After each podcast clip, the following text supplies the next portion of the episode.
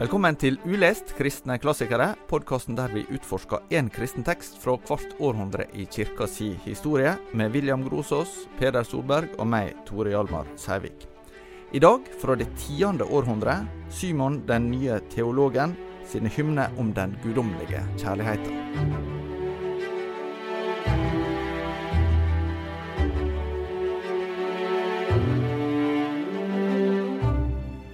I dag tenkte jeg å begynne med et sitat fra en bedehussang fra 1890, og der avslutter refrenget sånn.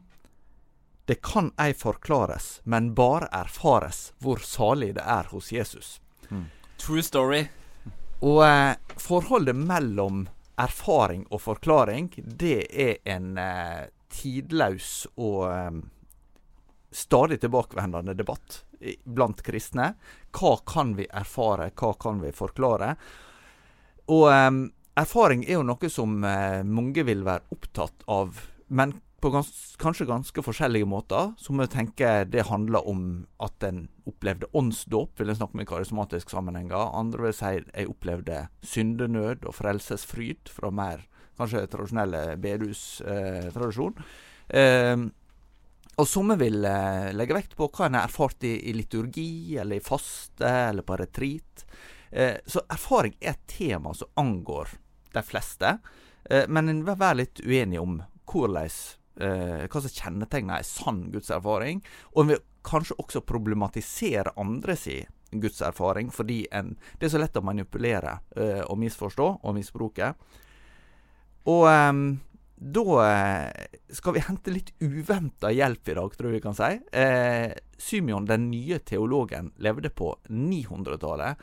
Og likevel, eh, selv om det kan synes ganske fjernt, så eh, snakker de veldig mye av det som eh, jeg nå har prøvd å på, ta opp her. Stemmer ikke det, Peder? Det gjør det absolutt. Altså, der når jeg leser Symeon, så tenker jeg dette er uh, fyrstikker og krutt. Ass. Her er det mye Her er det sprengstoff, og det er on fire. Uh, og det er sånn at uh, jeg er sånn jeg, jeg, gleder meg og gruer meg til denne episoden, fordi ja. det er utrolig viktige ting som han er opptatt av, og det, og det går veldig dypt. Og samtidig så er det altså Du var inne på det, denne spenningen mellom Altså hvordan kan vi forholde oss til vår egen erfaring vår, og andres erfaring?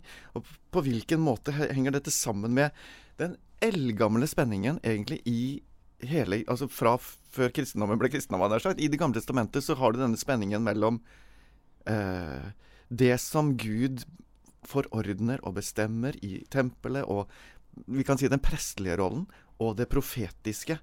Eh, eh, for det er ikke bare Det handler ikke bare om erfaring her hos Simon. Det er ramsalt kritikk av alt forfall og utvendig kristendom. og det er, eh, altså, det er en annen, for å sitere salmer her altså, Av døpte vrimler land og strand, men hvor er troens brann? Som, som, eller Brorsan, er det ikke det? Brorsan, det ja, jeg tror det er Brorsan. Ja, det, er, det høres egentlig mer ut som Brorsan. Ja, Så Simon, nye teologen, var altså en abbot som levde i i eh, Konstantinopel, i et lite, litt sånn ikke viktig kloster. Det var viktig når han levde der, men det var ikke så viktig før det. Uh, og, eller etter det. Um, og han skrev ulike typer tekster. Og han levde i en periode da det bysantinske riket mer eh, stolt historie helt tilbake til keiser Augustus. Det er lett for oss å tenke at ja, liksom, dette var noe annet, men de så seg som en forlengelse av Romerriket. Den var på sin absolutte høyde i middelalder. Det er to eh, liksom, eh, det man kan kalle for uh, Golden Ages. Det er på 500-tallet, under Justinian. Og så er det denne tiden under en som heter Basilius den andre. På denne perioden, i løpet av Basilius' regjeringstid, så er Konstantinopel og bysantinske riket det er det største verdensriket i verden. Du har helt bort til Sicilia, Italia, langt bort til Det kaspiske hav nordover, eh, eh, sør mot Libanon, hele Tyrkia, hele det vi vil i dag kalle eh, Og det er jo en krig mot bulgarerne som han vinner, da, så man får et, sånt, et stort rike der. Men det er liksom, alt er suksess. Vi snakket om eh, Også for kirken gå fra styrke til styrke. Eh, eh, vi snakket om Kyrill og Metodius. ikke sant? Kyrill og Metodius bærer frukt som bare det. Eh, slaverne er blitt kristne. og i løpet av Symeons og Basilius 2.s regjeringstid og Simons liv, så blir jo fyrsten av Kiev eh, Vladimir han blir jo døpt, så plutselig så har du et nytt kristen rike nord for det kaspiske hav. Nei, nord for Svartehavet. Og eh, keiseren er liksom Og kirken er liksom We're the, we're the best, liksom. Vi, og, og, det er en sånn selvtillit på vegne av sin egen tradisjon, på vegne av sin egen kultur, på vegne av sin egen teologi, der kirken og staten er veldig, veldig veldig fornøyd med seg selv. da. Mm. Og eh, den holdningen som fins blant eliten i kirken, det er at alle de store tingene har vi allerede fått. Og det som er vår oppgave, det er å trofast, konservativt beholde dette, ta vare på det. Eh, og vi skal i hvert fall ikke tro at vi er noe Paulus. Altså mirakler og, ånd, Når Paulus snakker om åndelige erfaringer, så var det Nei, nei, nei. Det var dem. Vi har fått, vi har fått Kirken, og vi har fått det vi skal. Og vi må ikke tro at vi er noe, noe gregoranasians. Vi kan godt Også, og, og, de som kan dette, de sier at teologien på denne tiden var sånn der eh, Kjedelig, kjedelig, kjedelig. Fordi de, de, de prøvde eh, å skrive sånn der eh, høygresk på en sånn snirklete måte. Hvem kunne være mest snirklete, liksom? Men liksom eh, kom til saken. Ikke sant? Det er jo ingen som leser så veldig mye fra 900-tallet i dag, fordi du bare så, så, det var en veldig interessant kultur, da, og, og Symeon er en, ja. Ja, en profet han, i, i, dette. Ja, Men i utgangspunktet, Peder, så er det jo sånn at Symeon han ser ut til å gå rett inn i mange her, og, og, og, liksom Ja, få seg en god posisjon. Han, han, blir sendt av foreldrene sine. Han kommer fra Galatia, egentlig, men blir sendt av foreldrene eh, som eh, rundt 10-11 år gammel. Så havner han i Konstantinopel, og, og er på en måte tiltenkt en karriere i politikken, egentlig. og og han har en onkel der som han uh, er under beskyttelse av. Uh, så skjer det en del ting. Onkelen, altså Det er et, et kupp, egentlig, og onkelen blir drept mens Simon er 14 år. Men han klarer allikevel å, å få seg videre en, en karriere i, i aristokratiet der. så han er, han er til, har liksom en, en karriereplan, da. og, og, og sånn som han beskriver seg sjøl også, en, en, levemann, for å si det med et sånt ord.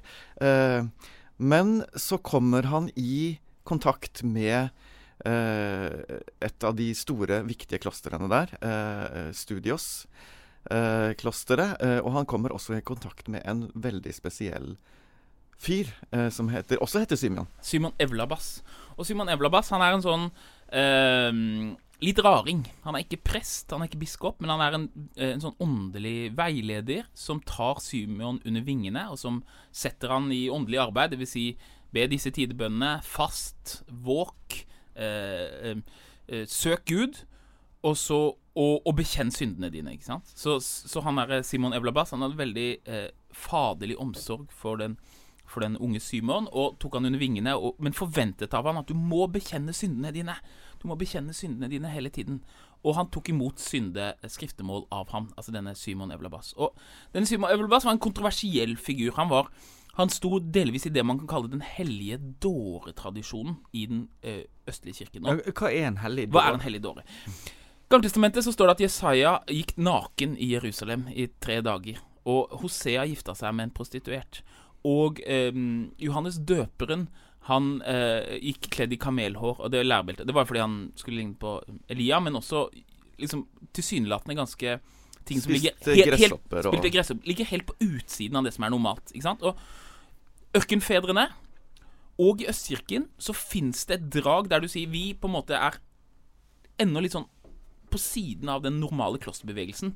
Vi ønsker å være eh, en, en, en slags profetisk stemme om at Gud aldri kan være noe som vi er fanget verken av kirkeordninger eller av Så du får sånne personligheter som De gjør bisarre ting, crazy ting, ting som kan for oss oppleves motbydelige. F.eks. en kjent hellig dåre i Konstantinopel, het Andreas av Konstantinopel. Han gikk og slepte på en død hund hver eneste dag. Ikke sant? Hva, hva slags Er du og, og dette her eh, Symeon Stelitten, ikke sant? en person som sto oppe på en påle og hadde sin åndelige bønn var at han bare sto på en, en høy påle. Hvor høy var den, Peder? Ja, Opptil 40 meter på det. Opp til 40 meter! det Hele livet hans er at han bare står der, og folk kommer og ber til ham. Hva er dette for noe? Er du, er du, psykisk syk, eller hva er du? Og det som var, De, de ønsket en slags dårskap for Kristus, der de gjorde ting som tilsynelatende ikke var liksom høflig og greit. og sånne ting. Fordi de ønsker å utfordre denne ideen om at Gud er det vi kan kontrollere. Og det som skjer da i den ortodokse kirke og den østlige kirke, det er at du får et ganske sånt vennlig syn på psykisk sykdom. For du kan aldri vite. Er denne personen en hellig dåre? Eller er den personen eh, eh, psykisk syk? Så, eh, det er senere, da, men i Russland f.eks. på 1400-tallet så finnes det masse brev av prester som skriver til biskopen Ja, vi har masse hellige dårer her, så det er kjempeproblem. Vet ikke hva vi skal gjøre med det. Og det er som, og Hva er det de kunne gjøre? De kunne kaste tomater på presten. De kunne liksom ha en sånn der eh, eh latterlig gjenspill av liturgien for å liksom vise ja, se så falsk det er, dette er bare pengekjæret. ikke sant? Og de kunne kle seg nakne. De kunne gjøre crazy ting. Men er de hellige dårer? Gjør de, later de bare som at de er psykisk syke, eller er de det? Ingen kan vite per definisjon. Fordi sånn er eh, Det er liksom det profetiske, da. Ja, for det er nettopp det. ikke sant? Det er en, en sånn måte å bryte opp i borger, Bryte inn i borgerligheten, til, uh, borgerligheten ja. og og, I vest har du jo, har jo gjøgleren som spiller litt av denne rollen ved hoffene. Ja. Men i øst så er det altså profetene. Og dette er jo en av grunnene til at senere Dostojevskijs 'Idioten' han spiller jo veldig mye på dette, denne romanen han skrev på 1800-tallet. Og det er jo en av grunnene til at uh, Husker jeg ikke navnet, men i, i, i tsarfamilien i Russland på 1900-tallet, så var det Hva heter han? Uh, Rasputin. Rasputin selv, selv, om ikke han var en spesielt åndelig mann, kanskje, så Grunnen til at han klarte å få ganske mye makt over den familien, var at han kunne spille på noen av disse hellige dåre-tankene som fantes i den ortodokse kirke. Mm. Så, eh, men nå er vi jo ikke på, uh, kommet så langt. Nå er vi jo bare på 900-tallet. Og det som antydes her, er at han Simon Evlabas han har en, en veldig stor påvirkning på Symeon, eh, nyteologen. Og eh, men også at han liksom Han gjør litt sånn crazy ting. At han oppsøker horehus, f.eks. Ikke for å ligge det med dem, men for å, kanskje for å prøve å evangelisere eller be for dem. Og liksom, han er steder du ikke bør være når du vil være munk. da mm. eh, Og Symeon antyder at kanskje han var en hellig dåre. Og, men han, på den perioden så gjør Symeon eh, i, Helt i tidlig 20-årene så gjør han en veldig, eller et par veldig store åndelige erfaringer som, som totalt overrasker han. da Ja, så han, han har en erfaring av lys, og han ser bl.a. denne sin, eh, sin åndelige far Simeon eh, omgitt av et lys. Eh, og han kjenner også at lyset gjennomtrenger han sjøl. Eh, og han tolker jo først også denne erfaringen som uh, altså at, uh, både at hans åndelige far allerede er en hellig mann, og at hans forbønn for han er virkningsfull. Så han, han kjenner på liksom, det ek ekstremt sånn intense gudsnærværet gjennom dette lyset, sånn som han beskriver det. da, og uh, Samtidig så er det sånn altså uh, Han er jo fortsatt i denne karriereprosessen, og, og, dette er også en erfaring som han etter hvert også stiller litt spørsmålstegn ved. Var det, var det egentlig Gud?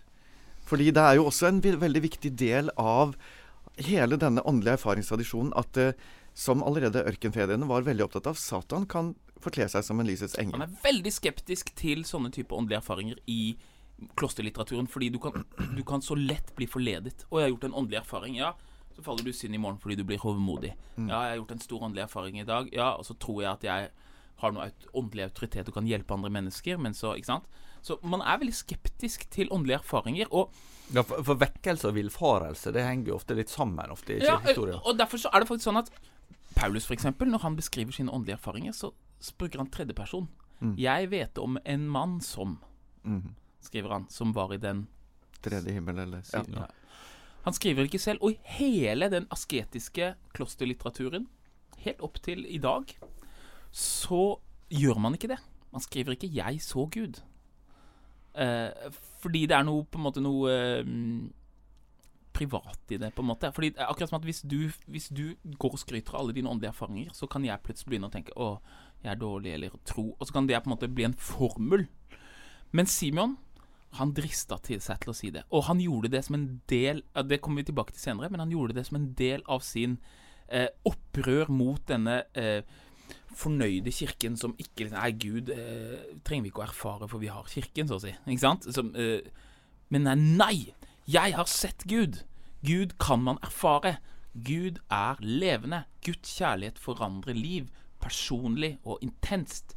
Men det som skjer, i hvert fall Han er som en altså, Men når han er i starten av 20-årene, da han, han, er liksom en fyr som, som på en tilfeldighet har liksom blitt rota seg med på en eller annen sånn derre eh, Jeg tuller litt, altså. Men en, en eller annen sånn eh, halv, halvfin eh, kristen fyr som eh, har rota seg med på en konferanse, eh, og så eh, er det en eller annen predikant der, og så er det veldig høy Hillsong-musikk og veldig mye gråt og veldig mye lyd, og så plutselig er det sånn Ah, Gud lever! Liksom, nei, tuller. For det som skjer etterpå, er jo selvfølgelig at han faller i synd. Ikke sant? Han har ikke røttene som skal til. Han, han har ikke det som skal til. Ikke? Han, han, har vært på konferanse, men så skal han tilbake på Blindern neste høst på BI, ikke sant? og der er det alt mulig rart. Så han, han eh, I 20-årene så lever han jo da Kommer tilbake til liksom livet sitt i Konstantinopel. Og i den boken vi har lest til nå, 'Divine eh, eh, guddommelige eh, kilder', så, så, så, skriver han om sin egen syndenød. Og han holder ikke igjen, altså. altså og det er derfor det er utrolig deilig å lese det, for han, han vet hva det er å, å falle i synd. altså, når du leser Gregor Anasians og Maximus, er det sånn Jo da, dere synder, sikkert dere også. Men han er sånn der eh, Han overdriver selvfølgelig, men det fins ikke det Jeg har sett det verste. Jeg har vært med på det verste. Uh, jeg har omtalt seg sjøl som en prostituert. Ja jeg, har, ja. jeg har, vært prostituert. Jeg har drept mennesker. Han, altså, mener, kanskje han mener det åndelig, ja. vet ikke. Men han har liksom Det er liksom ikke grenser, da. Jeg vet Jeg har virkelig, virkelig, virkelig sett uh, hvor ille jeg kan være.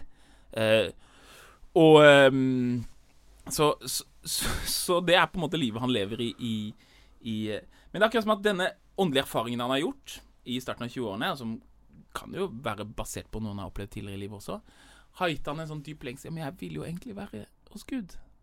Jeg lever her i synd, men jeg vil jo egentlig være hos Gud. Så det er litt den bortkomne sønnen? Det er virkelig den bortkomne sønnen Jeg vil jo egentlig være til Gud. Mm. Og så senere i livet, når han da eh, senere i livet, når han da kommer mot slutten av 20-årene, 27-28 år, så kommer han da seg tilbake til denne Simon Evla Bass og, og, og, eh, og bekjenner sine synder for han Tårene bare spruter. Han gråter som en foss. Han er som en fontene. Han bare gråter og gråter og gråter.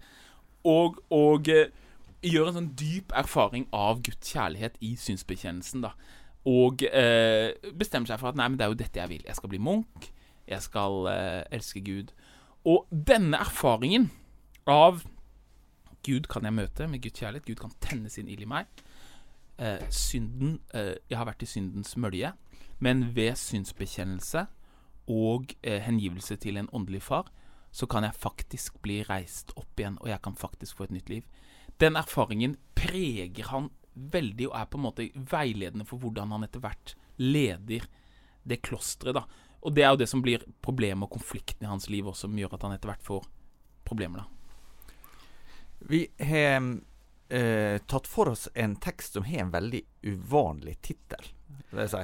Ja, vi har sagt eh, Vi har omtalt den eh, sånn som du gjorde innledningsvis, ja. også, Den guddommelige kjærlighet. Men, men det, er ikke den heter på engelsk? Nei, altså Divine Eros eh, heter den. Og den har vært tidligere oversatt til engelsk også med, med uh, Divine Love. Eh, fordi det er jo et sånn hva, hva, skjer nå? Hva, hva handler dette om? Eh, men det er jo dette altså, Eros, ikke sant? Eh, erot, erotikk, ikke sant. Det er det mm. ordet vi har. Erotikk. Og det er jo en sånn Vi har um, Blant annet i vår nordiske tradisjon, da, så har vi uh, blitt opplært av uh, av um, En svenske. En svenske som Men Anders Nygren. Anders Nygren. Kristen kjærlighet det er agapekjærlighet, og det ja. fins ikke noe eros. Det fins ikke Nei. noe eget begjær i den kristne kjærligheten. Nei. Men kirkefedrene de snakker om Guds eros og vår eros til Gud. Absolutt. Hele og de, tiden. Og det, en av de mest sentrale tekstene gjennom hele den kristne mystiske tradisjonen er høysangen. Som beskriver I Det gamle testamentet. I Det gamle testamentet. Som vi beskriver den. vi skriver om den hele tiden hele tiden om og om igjen som et uttrykk for vår kjærlighetsrelasjon, eller Guds kjærlighetsrelasjon til oss og vår kjærlighetsrelasjon til Gud. Mm. Uh, og at det er Ja, selvfølgelig. Uh, altså, de er like opptatt som uh, Anders Nygren og alle oss andre om at Gud elsker oss ubetinget gjennom agapekjærligheten. Men det er ikke sånn, som jeg hørte i en andakt en gang, at Gud ser på oss og ser en sølepytt.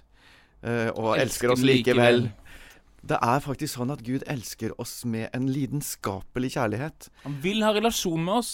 Og den samme eh, relasjonslengselen beskriver mystikerne tilbake altså, altså, alt det som Symeon beskriver at han har erfart av lidenskaper i sitt eget liv, det er jo bare tørt knekkebrød i, forhold til, til relasjon til Gud, hvor alle hans begjær så å si bare slukner i den erfaringa at Gud fyller jo alt dette. på en måte som gjør at det liksom alt jeg har smakt før, er bare kunstig mat i forhold til Så, så det er en sånn altså, Og det er noe av dette som gjør at, at når man leser dette, så får man følelsen av at ehm, Det er intens det er intenst. Det er, altså, det er, hva er det for noe? Ja, det er en, en bok, denne her, med um, Jeg har den foran meg her. Det er jo 400 sider med dikt. Som egentlig er liksom sånne dikt som er på, på eh, stavelser. De er oversatt til engelsk, da, så du har liksom ikke Men det er liksom 15 stavelser per linje. Så det er sånn linjedikt.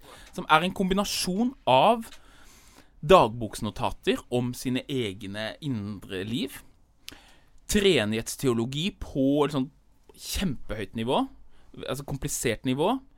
um, og en en, eh, en, ehm, en, en slags uh, eh, Ja, hva, hva- er det? Det er en, det er en eh, Du dras inn i i, eh, i liksom dramaet mellom en person og sin gud. Og så er det, det er skrevet på, som du sier, som, som hymneform, på en form som er kjent i østlig tradisjon. Fra, helt ifra, altså Egentlig fra Efraim Syrien, men via en som heter Romanos Meloden. Er, Det er to sånne salmediktere, eller Ja. dikt. De skriver poesi, teologisk poesi.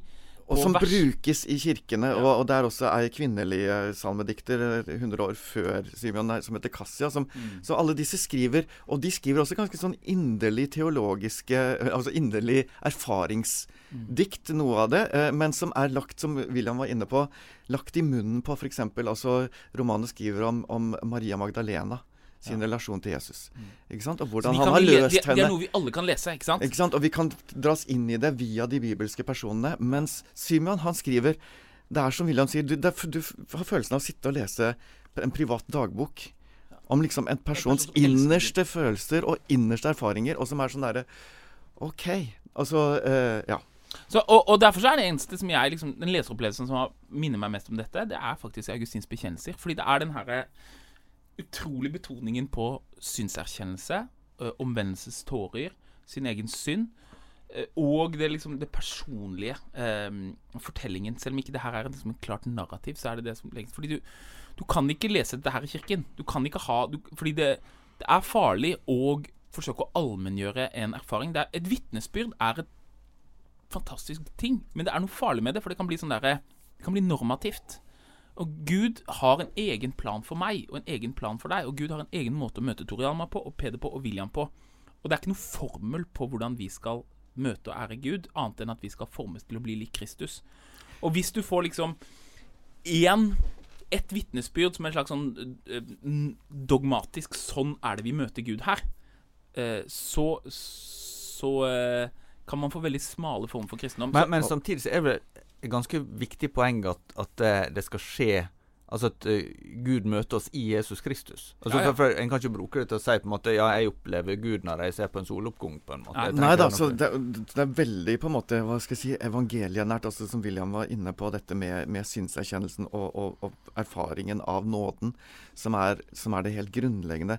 Og, og det som, altså, noe av det som er som når jeg nevnte kul, øh, ikke kuler, men jeg nevnte fyrstikker og krutt. altså Noe av den knivseggen som, som Simon balanserer på her, det er at han, han går veldig dypt inn i disse private personlige erfaringene. Men han vil allmenngjøre dette at erfaring er ikke bare mulig, men nødvendig. Ja, for, for han- for det, han er nesten et krav om at har ikke du virkelig erfart Gud, så, så, så, så er du ikke en kristen. Nei, og da snakker han om mer om en følelser og og, og liksom Å, jeg har gjort åndelige lyserfaringer. Det handler om Guds kjærlighet som virker. Der han sier det. Hva er erfaringen? Det er Guds kjærlighet.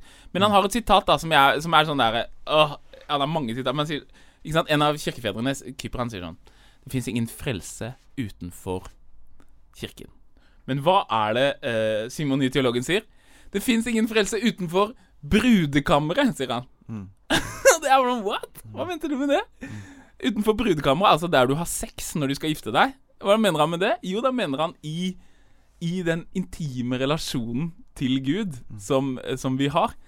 Um, og dette er altså I Konstantinopel i 900-tallet Det er uhørt! Ja. Det er uhørt! Du kan ikke si det her! Det er ikke greit! Og vi vil ikke ha dette her. Vi har kirken, vi har kontroll. Vi har teologien, vi har Grøgran Asians, og vi har Maximus Bekjenneren, og vi har disse flotte liturgiene våre. Stopp! Stopp med det der! Liksom. Sant, så, så, så, men det som er uh, sentralt for ham når han sier det, sant, det er at det, kristendom handler om overgivelse. Ja. Og hvis du liksom skal Ja, jeg overgir litt av livet mitt, da. Ikke sant? Jeg, nei, sier Simon. Altså, det er enten overgivelse eller ikke overgivelse. Og overgivelse, da overgir du hele deg. Og det er nettopp det som er brudekammeret. Altså, det er man gir seg helt til hverandre. Ja. Uten forbehold, uten, uten uh, klær, hadde jeg sagt. Altså uten noe som Nei, dette vil jeg holde tilbake. Uh, så, så det er denne, denne betingelsesløse overgivelsen som man sier dette er kjernen i hva tro og kristendom er. Det er ikke sånn derre at du liksom bare har de, disse ytre tingene på plass, og så kan du liksom Ja, jeg overgir kanskje liksom 10% av pengene mine til Gud, eller Nei, det er alt. Så det, kristendommen skulle ikke være bare en sånn her besteborgerlig aktivitet for å være en velansett vel ansett eh, Nei, så Ja. han snakker, som jeg sa i stad, han, han snakker, er, er jo helt vanvittig krass i forhold til helt konkrete personer også som han er i strid med i sin samtid. Som han, som han eh, Som får altså, er penger sånn, for å være biskoper, og ja. som eh, innsetter sine eh, kollegaer til å være eh, for lederskap, og som, og som eh, ikke tar troen alvorlig, og som på en måte bare ser eh, sin biskopstjeneste som en slags embete, en karrierevei, og han er liksom Så han snakker i, i tradisjonen fra Jesus som eh, fariseeren og de Ja. gravene. grabbene. Ja. Så Det er ganske heftig eh, sånn Dere har ikke peil. Men, men Dere hvordan, hvordan ble dette tatt Altså, Han ble kontroversiell i opptak. Ja, han fikk jo problemer. det Altså, det som er med Simon, da, det er at han har mektige venner. Altså, han, eh, han, han Bardas, som du nevnte, var det onkelen hans, som ble drept. Han er jo en, en mektig person i Konstantinopel, og gjennom hele sin karriere så har han mektige venner. Men det er jo De prøver jo å ta han, da.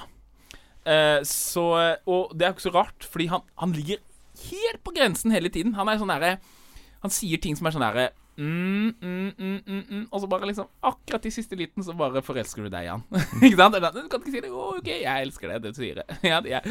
Og eh, eksempelet på det ikke sant? Det er jo eh, eh, Han har en hymne her hvor han, hvor han pusher en idé som vi har eh, ant, Ireneus antyder den. Gregoriansians eh, legger grunnlaget for den. Maximus går veldig langt i den. Og eh, Simon teologen, han bare slipper alle bremsene. Og det er ideen om at mennesket skal bli Gud. Om at hele verden skal At Gud skal bli alt i alle. Mennesket skal bli Gud. Og ideen er omtrent sånn, for å si det sånn. Det, det eh, kalles for teosis, altså guddommeliggjørelse. Og det er eh, Prøver å ikke eh, gjenta alt vi har sagt, men ideen er når Gud forener seg med det skapte i Jesus, og så å si tar hele skapelsen inn i treenigheten, så betyr det at Gud kan eh, eh, forene seg med alle ting. Og alle ting har sitt mål, og Kristus er alle ting sitt mål.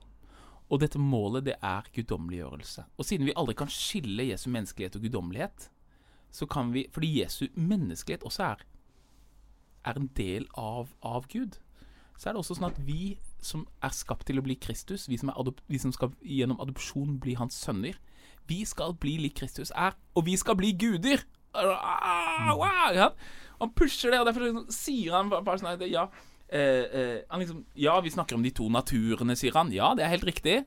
Men det fins bare én Kristus. Det fins bare én Kristus, og vi skal bli denne ene Kristus. Så vi skal bli guddommelige. Og derfor har jeg en sånn derre eh, Jeg husker en sånn Matt Redman-sang som jeg ofte sang når jeg gikk på bibelskolen eh, i Philadelphia for mange år siden. Det var sånn derre Gud, du er eh, Kristus, du er, eh, du er min morgen, du er min kveld, du er min natt, du er min dag, du er min eh, Du er alt. Kristus er Kristus. Eh, vær mitt alt. Og sånn, sånn sier han da. Kristus er luften, Kristus er jorden, Kristus er om og, så, og, så, og så pusher han og sier han sånn Kristus er min finger, og Kristus er min penis, sier han. Og, så sier han sånn Blir du provosert nå? Eh, Å ja, men det er ditt problem. Det er du som ikke klarer å se at eh, eh, gjennom inkarnasjonen så har Gud forent seg med alle ting, og du kaller penis for urent. Men det er bare urent for deg som er synder. Men for Gud er alt rent. Og eh, Gud er eh, Gud er eh, i alle ting gjennom Kristus. Og det er sånn, når du sier sånn, da får du problemer med biskopen. Altså hvis, hvis jeg hadde skrevet 'Kristus er min finger og min penis' på, eh, på prekestolen i, i eh, så, så, eh, så begynner folk å Og det, det gjorde han, da. Så, og, og, og det er, Han er jo veldig klar over at han provoserer, og det er jo sånn altså, Det er vanskelig å sitere det uten å liksom prøve å forklare hva han mener enda, enda mer. Men William, du har forklart det veldig godt. Og, og poenget hans er jo nettopp også det sant, at det er pga. vår syndighet at vi tenker at det, dette er Men det er jo også tilbake til det med overgivelsen. sant? Altså, men det er nettopp det. At du skal tenke alt skal overgis til Kristus. Ja. Eh, og, og, hvis du tenker at nei, nær sagt mine, mine, kjønnsorganer og det jeg gjør med dem, vil jeg ha for meg sjøl. Nei. Ja, det er sånn ditt problem. Det er, det er synd. Men, men eh, kjønnsorganet i seg selv så, det er skapt av Gud. Så, så, derfor er det liksom det, det, Han vet han provoserer, og, og, og, Men det er noe med uh, der går han språklig sett inn i hellig dåre-tradisjonen, nesten sagt, ikke sant? og sier ting som han vet eh, er kontroversielt. For en av de tingene som jeg merker sånn spontant uh, i møte med, med sånn måte å tenke på, det, det er jo f.eks.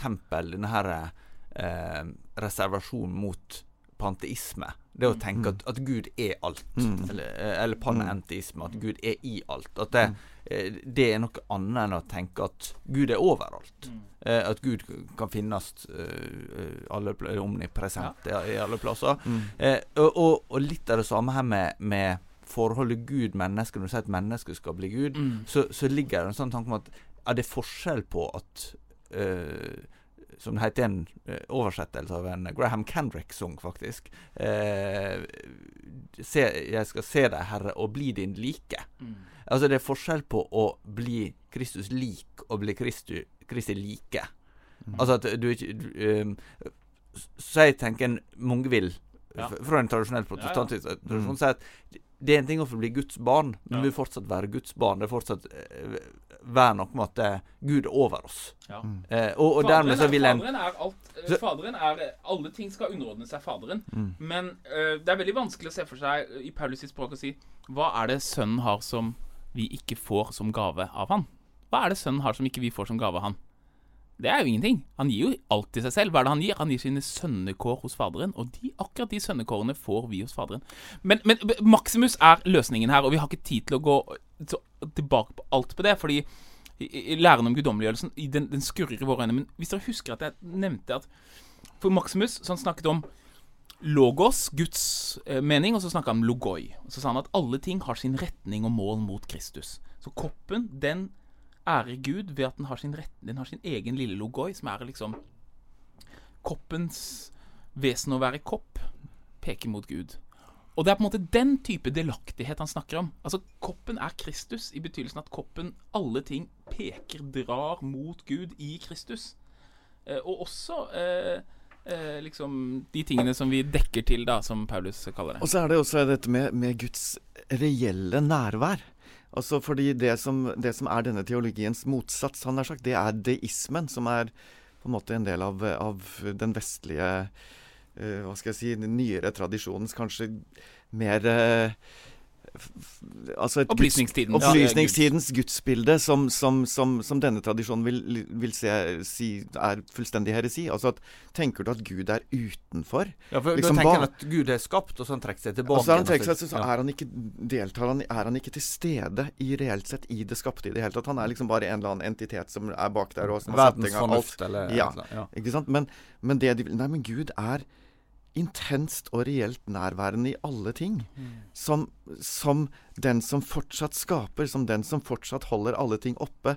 Så det er denne Jeg tror jeg nevnte også, også forrige gang vi snakka litt om dette, at uh, altså, Paulus som sier det er i ham vi lever, beveger oss og er til. Mm. Der, der, har deres diktere rett. ikke sant? Altså, og det er nettopp denne tanken at det finnes ingenting som eksisterer eller puster eller har liv uten Gud, og at det er nettopp den den eh, hva skal jeg si, deltakelsen som vi skal eh, få fullt og helt, og, og, bevisstgjøres og bli en del av denne, denne eh, foreningen fullt og helt med Gud. Da. Makten liker deisme fordi den makten liker ikke at folk kan ha en erfaring av Gud. Den, mm. For den vil gjerne filtrere det. Mm.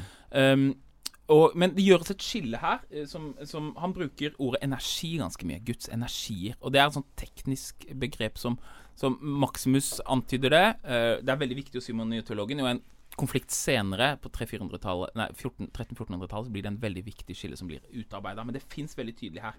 Og det er at vi vil jo aldri få del i Vi vil aldri bli uskapte som Gud. Gud er uskapt, og vi skal ikke bli uskapte. Men vi får del i Guds energier, er uttrykket som brukes. Eh, Du kan sammenligne det med at vi, vi, eh, vi får del i solstrålene. Altså Når du ser solen har del i solstrålene, har du del i solen? Og, og Paulus bruker også uttrykket guddommelig natur. Nettopp. Ja. Og så derfor så, så, eh, så det her er jo en, en eh, Men i hvert fall, da. Han blir jo veldig øh, Han blir jo veldig kontroversiell for noen av teologene i Konstantinopel pga. dette. Og derfor så er det en, en av øh, Er det biskopens assistent eller noe sånt? Han Stefan? Hva, hvilken rolle er det han Altså, har? han, han er en øh, Chancellor er det ordet som bruker, Eller kansler. Altså han, I utgangspunktet så var han faktisk en, en, en øh, høytstående biskop, men så blir han tatt til Konstantinopel for å være en slags sånn øh, Hva vil man kalle det i dag? Altså stiftskapellan, på en måte. Altså en sånn En som egentlig styrer biskopens virke øh, på mange vis, da. Så i hvert fall så denne Stefan Han ønsker jo Han liker jo ikke de greiene her. eh, Og han eh, ønsker å eh, legge ut en teologisk felle for, eh, for eh, Symeon. For Symeon er ikke skolert sånn som eh, Maximus Bekjenneren og Gregor Nassians. Han er ikke det. Eh, han er en veldig solid treenhetsteologi, men, men han har ikke alle filosofene på fingrene på samme måte som eh, Gregor Nassians og Maximus Bekjenneren. Og han skriver også og Det er også en sånn der eh, Hele måten han skriver på, er det er liksom Det er liksom frikirke... Eller pinsepastoren som liksom står på prekestolen og bare liksom leverer sannheter, og ikke liksom Ikke noe knussel. Altså det er liksom Han snakker nesten sånn gatespråkaktig, sier de som har ekspert på dette. Eh, mens eh, Maximus Bekjenneren er jo sånn der eh, snirkle, snirkle, helt umulig, og, og liksom og Når starta og slutta setningen. Men så, men, så, så derfor så har de en sånn tanke at ja, men eh, vi, eh, vi kan få Kjetil forklart han, vi bare stiller han et eller annet veldig vanskelig teologisk spørsmål. Og, fordi vi, vi, og da stiller han eh, Stefan som han heter, sier han sånn OK, men jeg har et spørsmål til deg. Et brev, da. Han later som at han er en munk, da. Eller, ja. Treenigheten i Faderen, Sønnen og Ånden, er det først og fremst en en eh, Er det en Tankemessig tankemessig distinksjon mellom dem, eller er det en saksmessig distinksjon mellom dem? Er det sånn at Faderen, Sønnen og Ånden er liksom en de er, de er i det abstrakte tre forskjellige ting, eller er de i de konkrete tre forskjellige ting? Svar meg på det. Og eh, da, må, da skriver han en sånn hymne, da, hvor han, eh, hvor han svarer på dette, og, og må ut av denne veldig vanskelige teologiske eh, liksom fella som er lagt ut for han. For, for Ja. Der svarer han kort og greit at eh, begge, begge de beskrivelsene er heretiske. altså, han på en måte Han løser knuten, da. Ved å, og, og han, det er ganske fascinerende også hvordan han da, sant, da I en hymneform så har han ganske sånn bitende, ironisk angrep tilbake på denne fyren som prøver å sette han fast. Eh, og, og alle disse som, som tror at de kan tenke masse teknisk riktig om Gud uten å ha erfart han. Altså, så han, han på en måte snur og hele greia og kaster det tilbake. Liksom, dere, dere driver med alle slags teologiske spekulasjoner, men ikke, dere vet jo ikke hvem Gud er.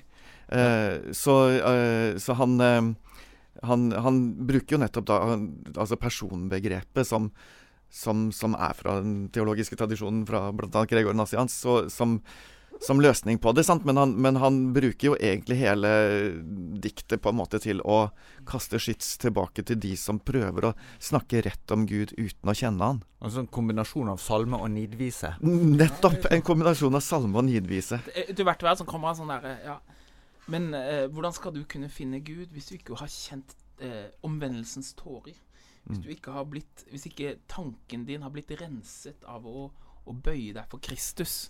Hvor, hvis ikke du har, har eh, kjent den sødmen i hans kjærlighet og åpnet deg for det seende lyset. Det er som bare bam, bam. Og, og, um, og det er liksom etter at han har han har eh, liksom satt på plass eh, denne Eller liksom vist at denne fellen er er, eh, er topplete. Men, men det er klart, eh, når du sier sånne ting som han sier tidlig der, eh, og ligger helt på grensen, så, så er det jo på en måte en god mulighet da for lov å forklare seg. Um, men i hvert fall så, så han blir um, Han kommer seg unna det, men han, han har problemer. Og klostre på denne tiden er litt annerledes enn de var på Benedikts tid. De består av litt andre typer folk enn de gjorde. I hvert fall sånne klostre i store byer. For uh, jeg tror på slutten av 700-tallet er første gang klosteret brukes som fengsel. Um, og det blir jo vanligere og vanligere inn, på at du, liksom, okay, du, du er politisk dissident eller sånt nå, du må bare være i dette klosteret. Men også som en liksom, forbedringsanstalt. Ja. Altså, det, for det er jo nettopp det at altså, OK, hvor kan vi sende folk for at de slutter å være kriminelle og blir bedre? Altså, bli, ikke sant? Så, så det er en sånn Det er faktisk på en måte en, en, en del av hva skal jeg si, humaniseringen av straffelovgivningen. Ja, det er sant. Du, dette har jeg ikke tenkt på før, men Ja. det her er en så utrolig viktig del av det. ikke sant? Er det som, dette er noe som han eh, Det er ikke min favorittfilosof, men den eh, kjente franske postmodernismen eh, postmodernisten Foucault har jo skrevet om liksom the incarceration. Altså hvordan du fra 1600-tallet, når kristendommen blir borte fra Europa Det er ikke det som er hans poeng, men det er det han beskriver. Så får du en sånn idé om at psykisk sykdom Det blir på en måte noe som Du skal ha det bort på fengsler. Og så får du skoler og fengsler som noe du En, en overvåkningssted, ikke sant. Men se, eh, et kloster der det er bønn, og de alle søker kjærlighet og Det er liksom det er, det, er det er et menneskesyn som er i det også, da. Men det betyr at klostrene består av folk som har Kanskje har mista alle karrieremulighetene sine, eller kanskje de ikke har familien deres har gjort at de ikke har penger, eller det kan bety at de har blitt sendt der. Ikke, sant? Så klostrene er ikke bare liksom ivrige munker som har banka på døra i tre dager og ønska å komme dit, sånn som det var på Benedikts tid. Klosteret er liksom eh, litt av hvert. Og eh, eh, Symeon kommer til eh, Eller er i dette klosteret Sankt Mamas og får em, Får em, eh, ansvar som abbot. Og em, eh, han har veldig høye krav til de som går i klosteret. For det første skal de alle ha eh, De skal skrifte sine, bekjenne sine synder regelmessig. Og ikke noe sånn der formelle greier at jeg syndet med tanker, ord og gjerning og kjenner lysten til det i mitt hjerte, og så ferdig. Si hva du strever med. Få det ut. Innerste tanker. Spytt det ut. Verste du har gjort, verste si du har det, sagt. si det, si det, si det. Gud tilgir det. Få det ut. Ikke sant? Men det forventer han av de, da. Og, ehm, og det liker de ikke.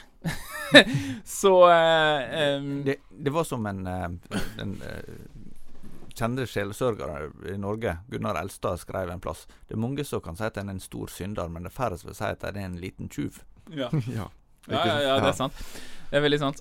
Og, eh, og det er alltid de konkrete tingene som er eh, Ikke sant. Eh, Satan elsker at jeg går og sier til folk at ja, jeg, stakkars meg, jeg er bare en synder, og, og jeg kommer til helvete og sånne ting. Men å si beklager, men jeg, jeg svikta i går, og jeg, jeg hadde kunne gjort noe annet, det, er, det, er, det, det liker ikke Satan når vi begynner å si. Så, men så i hvert fall Og det er noe han har lært av han Simon Evlabas. Og en annen del av det her også er jo at han han, han pusher grensene i forhold til hva som er hva som er eh, helt greit også, for han er jo så glad i sin Når han dør, da, han Simon Evlabas, han eh, som liksom lærte han opp, så eh, får han et bilde av Simon Evlabas eh, som han henger opp i kirken, og begynner å liksom forholde seg til han som om han var en helgen før kirken har akseptert det. Og det er liksom Ja, er det så lurt, liksom? En privat helgen, liksom? Eh, og det er jo sånn Det er jo ikke greit i moderne, eh, i hvert fall ortodoks eller katolsk måte å tenke på, fordi eh, det er mange grunner til at noen kan være eh, eh, fine folk uten at vi bør bruke de eh, som forbilder på den måten. F.eks. at de har begått overgrep eller ting du ikke vet om. ikke sant? Men han, han ønsker veldig godt, og det, og det gjør at det blir et eh, opprør i klosteret. Så plutselig en dag eh, på slutten av eh, 990-tallet, eller noe sånt nå, da er han 40 år, eller sånt nå, så bare tar munkene og gjør opprør. Og så eh, angriper de han og, og fordriver han, så han må flykte. eh, Fordi de vil ikke ha han. Og ehm, og eh, jeg tror det er først og fremst det at han setter så høye forvent forventninger til dem, men det er også Jeg tror han bruker den herre eh, på en måte At vi hele tiden skal minne oss han Simon Evlaba som liksom å forsterke sin egen pastoralteologi om at at, ha, at man skal bekjenne syndene sine eh, personlig, intenst, aktivt eh, hele tiden. Eh, så da blir han eh, fordrevet fra Sankt Mamas og, og, reiser ut av Konstantinopel. Eh, vi må bare si at vi, her er det så mye å snakke om at vi kommer tilbake i neste episode, men kan vi bare ta nå slutten på biografien? Og så, så, så skal vi komme tilbake til flere temaer underveis. Han dør av dysenteri i, i 1022, og eh, det konstantinske Nei, og, og bysantinske riket, eh, som da hadde sin absolutt storhetstid på denne tiden, det, eh, det er jo det last glory for romerske riket. Derfra går det bare en vei og nedover, og alle trodde at eh, de Staten trodde at den var mye sterkere enn den var. Trodde at den mye mer, eh, hadde mye mer eh, å gå på enn den hadde. Eh, men klokken slo for, for Så, så og, og Simon ble ikke kjempepopulær med en gang, men, men i en konflikt som kommer senere, det som kalles for den hesikastiske striden, så blir han en utrolig viktig teolog. Og Han får navnet Nye teologen, og forskerne tror at det er egentlig et, et skjellsord for han. Det er ikke noe gøy å bli kalt nye teologen. Fordi det er jo, i tillegg til Johannes evangelisten, som er jo den kirkehistoriens ved siden av Paulus kanskje største teolog, så er Johannes evangelisten eh, eh, Gregor og Gregor Nassians. De to får, et sånt, de får en sånn status som teologene. teologen. Så de kalles for Johannes teologen og Gregor. Gregor teologen. teologen. Det sier litt om statusen til Gregor Nassians. Og eh, eh, ny, Symeon han får altså da tittelen Den nye teologen. Og I starten så er det sannsynligvis et mobbeord, men etter hvert så blir det en hedersbetegnelse for ham. I, etter hvert i det som kalles altså denne striden som kom på 1400-tallet, som, som igjen handler om dette kan mennesker egentlig erfare Gud. Mm. Eh, og da Så derfor så er han eh, han er et sånt viktig eh, Hva skal jeg si eh, left wing, kan man si, i, eh, i, eh, bla, hos kirkefedrene. En veldig viktig left wing. Mm. Og og eh, også vært masse interesse for han blant moderne eh, En del interesse blant eh, pinsekarismatiske forskere. Det leste jeg et paper på, eh, noen som hadde fått litt oversikt over. For han, han snakker om ting som som, eh, som man er interessert i også i, i, i, eh, i den tradisjonen. Og det kommer vi mer tilbake til i neste episode. Du har lytta til en episode av Ulest kristne klassikere. Det er en teologipodkast fra NLA Høgskolen og avisa Dagen. Hvis du har glede av det du hører, så må du gjerne dele med andre. Og eh, har du spørsmål eller innspill til oss, så ta gjerne kontakt på tore krøllalfa dagen.no. Takk for i dag, så høres vi igjen.